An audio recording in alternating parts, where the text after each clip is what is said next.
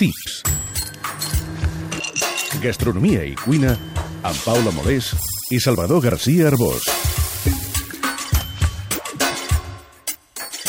Additius.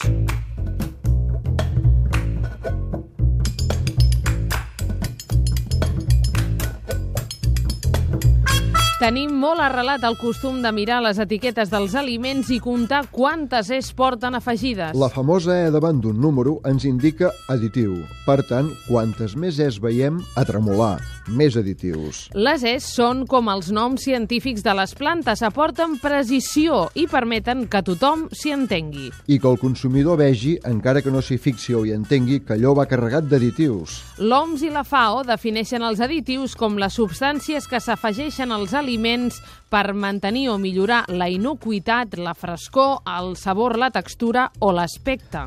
Ara bé, hi ha additius i additius. N'hi ha de tan quotidians com la sal i el sucre. I en trobem sovint de dubtosos, com l'inefable glutamat monosòdic, l'E621, per potenciar el gust.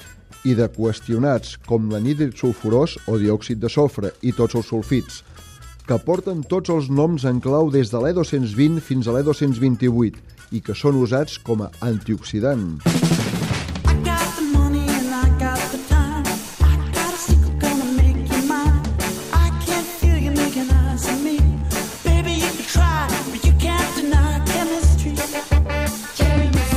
Sigui com sigui, els additius són necessaris, però no sempre fan falta.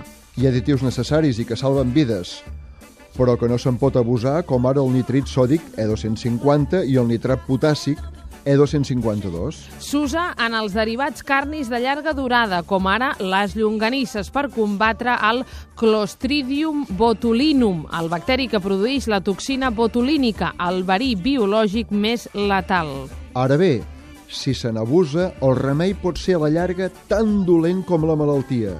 Les dosis excessives de nitrit són perilloses, ja que en deriven les cancerígenes nitrosamines. En el sector carni s'ha abusat del nitrit per aprofitar-ne la propietat de fixar el color. És un bon senyal si una salxitxa, per exemple, enfosqueix de manera natural.